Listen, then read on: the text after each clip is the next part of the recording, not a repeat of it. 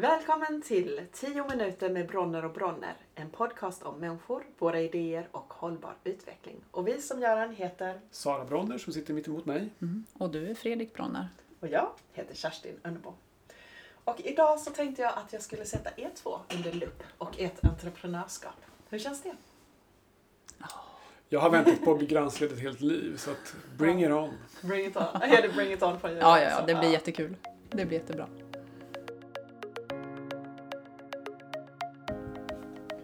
Ni har ju byggt den här eh, modellen eller filosofin kring fyra kärnfrågor. Mening, samhällsnytta, planet, ekonomi som ni tycker att alla företag ska byggas utifrån. Är jag med?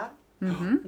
Mm. Och ni har ju ett företag, eller två, eller hur många är det? Mm, det har precis blivit två. Två. Mm. Ja. Så jag tänker att vi kan väl sätta ert entreprenörskap och ert företag under lupp utifrån de här fyra delarna. Mhm.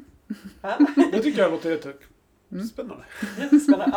Ja. Så får ni se hur det känns för Äntligen, oss andra. äntligen får man veta allt. Obehagligt. Men eh, ska vi börja med meningen då? Fredrik, vad finner du för mening i det här företaget eller de här företagen du driver?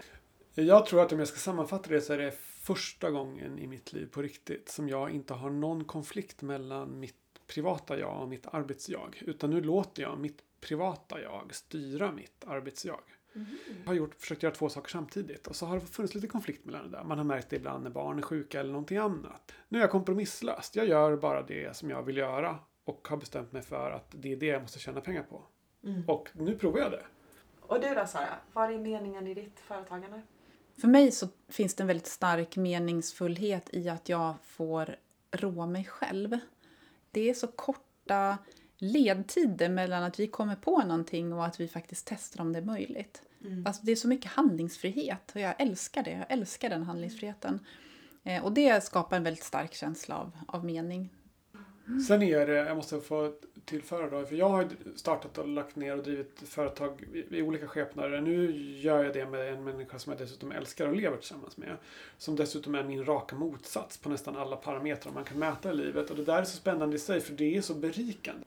Jag tänker att innan vi går vidare så måste vi nog säga vad ni gör i företaget, annars blir det jättekonstigt att prata om det här. Det som vi pysslar med, då, jag och Fredrik, det är att vi eh, har ett företag tillsammans som heter Bronner och Bronner Samhällsförbättring. Och där jobbar vi mycket med eh, rådgivning och utbildning kan man säga. Och skriver en del böcker. Eh, och allting kretsar då kring hållbarhetsfrågor på olika sätt. Och sen det företaget äger då ett annat företag som vi nystartat och som då heter Bronners butik.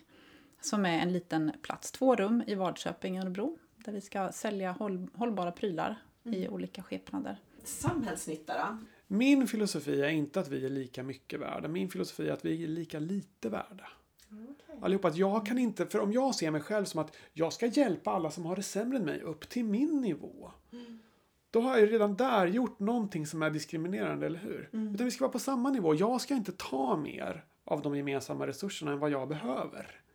Mm. Så. Och det ska jag hjälpa andra till som inte får sina behov uppfyllda på något vis.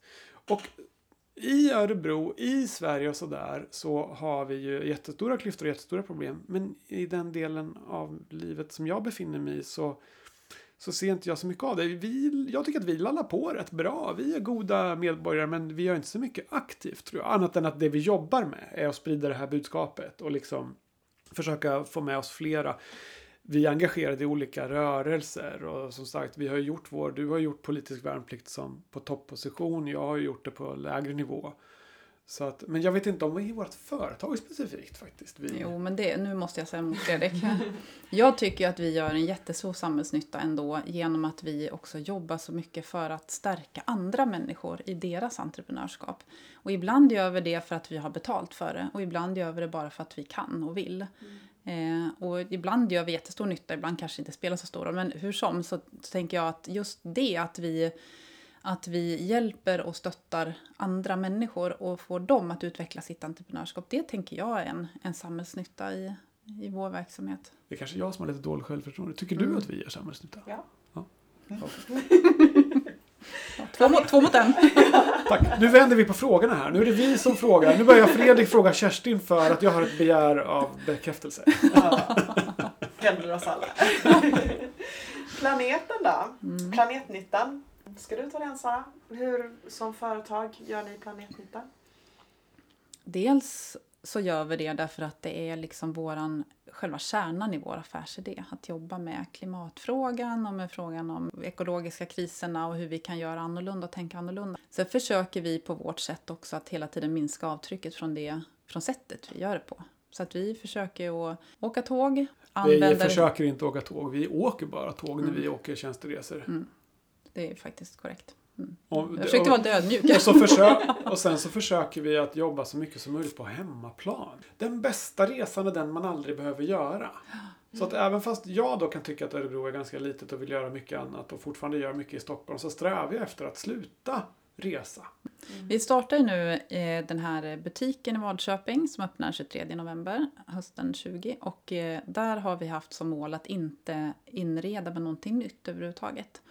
Och det går ju alldeles utmärkt. Så vi har bärgat eh, begagnade soffor och eh, massor med potatislådor och försöker att bara använda återbrukat material. Och det går jättebra. Ja, yes, vi sitter ju här just nu och det är mm. ett jätte, jättefint både kontor och eh, mm. butik. Det är mm. ju supermysigt och fint. Och sista, ekonomin. Eh, ska vi ta Fredrik först här nu? Ja, men jag skulle börja, här har vi lite olika synpunkter ja. tror jag. Därför att jag, jag är ju inte ekonom. Nej. Jag är ju så här flumpajas. Nej, det är jag inte alls. Jag är akademiker, jag är kulturvetare. Men för mig är ekonomi bara ett sätt att förklara mänskligt beteende. Det är en teori som sätter ord på vissa saker och begrepp kring hur vi förhåller oss till varandra med olika saker vi kan och har till vårt förfogande. Sen kallar vi det för ekonomi. För mig så innebär ekonomi idag, det är någonting att jag försöker frigöra mig från ett, ett liv som har varit väldigt ekonomiskt. Mm. Jag har haft enorma lån och höga löner. Och, men jag har insett också att summan av alla laster är konstant hela tiden. Jag har varken varit mer eller mindre lycklig mm. på grund av de pengar jag har haft att förfoga över. Mm. Så att just nu så jag försöker gå i motsatt riktning kring vad jag tror att man förväntas göra när man är som jag, vit man, snart 50. Att jag försöker krympa min ekonomi. Mm. Jag är, försöker tjäna mindre. Jag försöker bo mindre. Jag försöker ha mindre prylar och mycket mindre ekonomi för att få någonting annat istället. Mer tid till exempel. Eh, och mer liv. Mm. För att jag upplever att ekonomin, så länge den finns, den är lite som en gökunge. Den tar väldigt, väldigt mycket plats.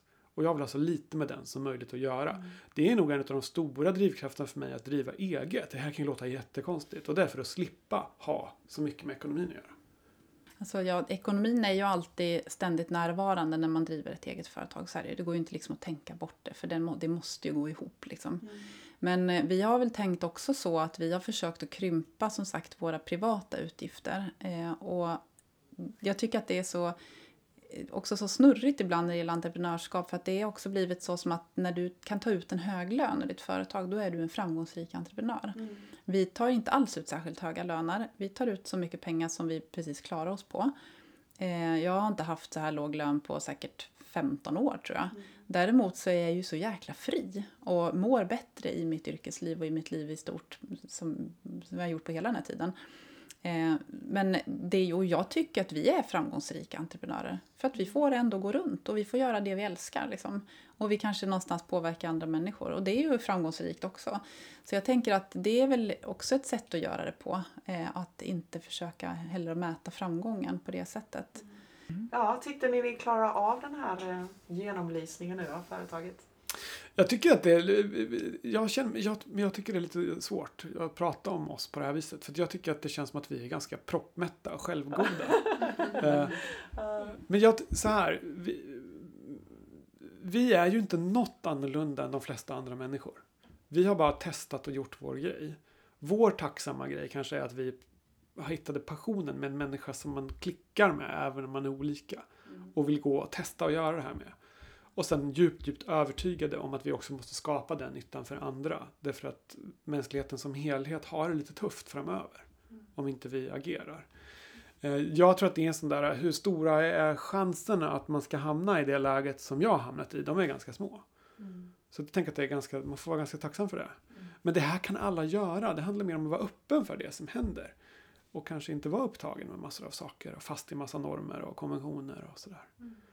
Och tror jag ett genuint intresse av att faktiskt vilja göra gott för andra människor. Det är det som gör att man sover gott på nätterna. Mm. Vad fint. Tusen tack. Mm, tack själv.